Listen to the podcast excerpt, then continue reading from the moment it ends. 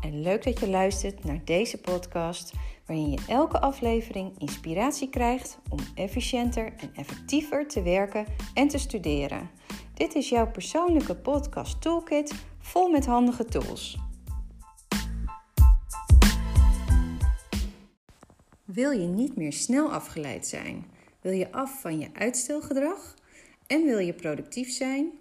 De Pomodoro-techniek is een techniek die je helpt om geconcentreerd te kunnen werken en hij is heel simpel toe te passen. Er zijn heel veel redenen te bedenken waarom je niet aan taken begint en waarom je ze soms ook niet afmaakt.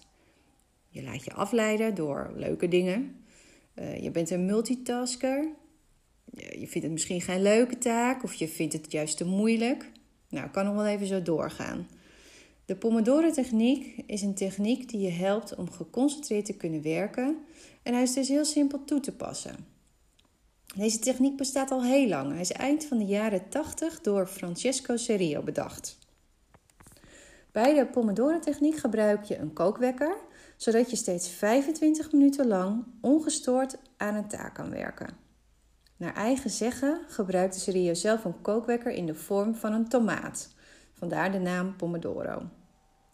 Heb je vrij eenvoudige taken te doen, dan neem je na elke 25 minuten een korte pauze, zodat je het dan weer oplaadt voor de volgende 25 minuten.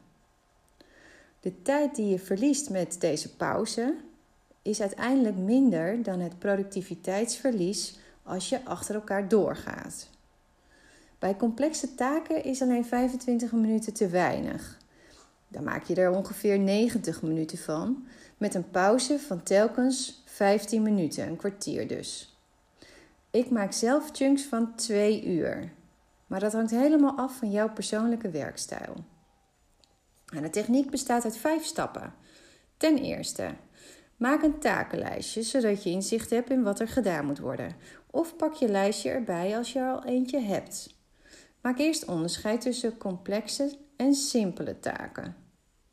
Kijk bij de simpele taken welke taken langer dan 25 minuten duren. Als er taken tussen zitten die korter duren, kijk dan of je die taken kunt clusteren. Taken die juist langer duren, deel je eventueel op in kleinere taken. Dit doe je ook voor de complexere. Besluit vervolgens welke taak of taken je eerst gaat doen.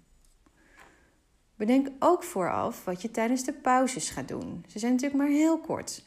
Dus eh, je kan even naar buiten gaan, je kan koffie halen, je kan even uit het raam staren, wat dan ook. Belangrijk is dat het dingen zijn die je in 3 tot 5 minuten kan doen. Nou, vervolgens stel je je kookwekker in op 25 minuten en ga je aan het werk. Let op, het is dus niet de bedoeling dat jouw taak per se binnen die 25 minuten af is. Het gaat erom dat je gefocust en dus ongestoord werkt gedurende die tijd. Als de wekker gaat, neem je een korte pauze, dus van 3 tot 5 minuten. Dit doe je vier keer achter elkaar. Na de vierde sessie neem je een langere pauze van een kwartier tot een half uur. Tijdens deze pauze kun je bijvoorbeeld gaan lunchen, uh, een koffiepauze nemen, uh, even buiten een rondje lopen of misschien wel een powernap doen. Daarna beginnen de pomodoro's weer opnieuw, totdat je klaar bent met werken of studeren. Je hebt nu uiteindelijk een langere tijd gefocust kunnen werken.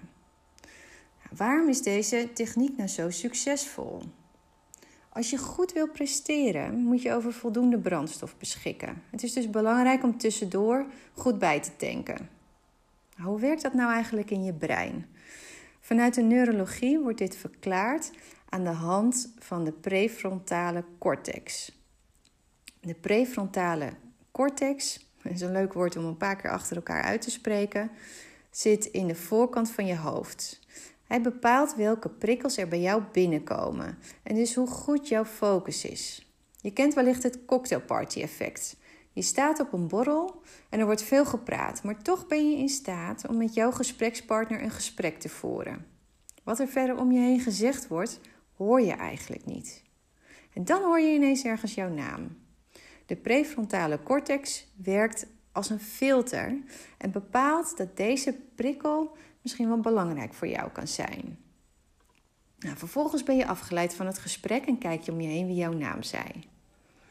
Het goed functioneren van jouw prefrontale cortex is dus heel belangrijk, want anders zou je continu afgeleid zijn en dat is heel vermoeiend en stressvol.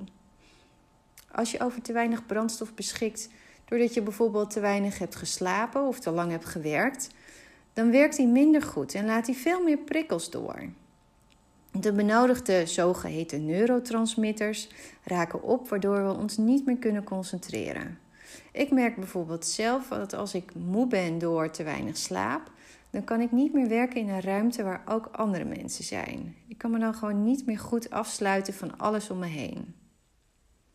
Het is ook, en zeker voor kenniswerkers, niet per definitie zo dat hoe langer je werkt, hoe meer werk je verricht. Er is een omslagpunt waarop meer uren juist zorgen voor een lagere productiviteit. Je kunt het vergelijken met een ecstasypil. Als hij werkt voel je je heel gelukkig en blij, maar daarna kun je een enorme dip krijgen doordat al je reserves zijn aangesproken. Nou, nou klinkt die Pomodoro-techniek natuurlijk ideaal, maar je kunt ze nu en dan natuurlijk last hebben van onderbrekingen. Ja, je bedenkt ineens dat je iemand moet bellen of dat je een taak bent vergeten uh, of dat je nog wat boodschappen moet doen. Ja, wat doe je dan? Je kunt het namelijk niet geforceerd blokkeren. Zo werkt je brein nou eenmaal niet. Het blijft in je hoofd hangen en je bent dus afgeleid. De beste oplossing is om dit onderaan je takenlijst te noteren. Schrijf het dus van je af en maak je hoofd weer leeg. Heb je de neiging om je mail te checken of op social media te kijken? Dit kun je wel onderdrukken. Ga deze momenten turven, zodat je zichtbaar maakt hoe vaak je afgeleid bent geweest. De uitdaging is om elke keer minder turfjes op je blad te hebben staan. Je moet je brein hier dus in trainen. Het mantra is dus eigenlijk verwerken, registreren en weer focussen. Nou, nu kun je ook last hebben van onderbrekingen van buitenaf. Een collega of een familielid loopt binnen en hij heeft niet in de gaten dat jij in je pomodoro-tijd zit. Ja, wat doe je dan? Nou, je informeert diegene dat je nu even geen tijd hebt, omdat je je moet concentreren. Vervolgens bespreek je ook wat een ander geschikt moment is en hoeveel tijd je dan voor hem of haar hebt. Als het zover is, moet je ook daadwerkelijk naar die persoon toe gaan en hem te woord staan. Niets is zo vervelend als iemand belooft om je op een later moment te helpen en diegene komt niet omdat hij te druk heeft met andere dingen of hij is het vergeten. Dat is echt heel frustrerend. Maar goed, het is dus heel belangrijk dat je wel je pomodoro afmaakt. Nou, de techniek is dus heel eenvoudig, maar als je het probeert, zul je in het begin merken dat het eigenlijk nog best lastig is om toe te passen. Dit hoort echter wel bij de leercyclus. Als je een nieuwe sport gaat beoefenen, ben je daar toch ook niet gelijk de beste in. Kort en goed, zorg voor voldoende brandstof door tijdens je werk of tijdens het studeren regelmatig op te laden. En de Pomodoro-techniek is hier een heel handig hulpmiddel voor.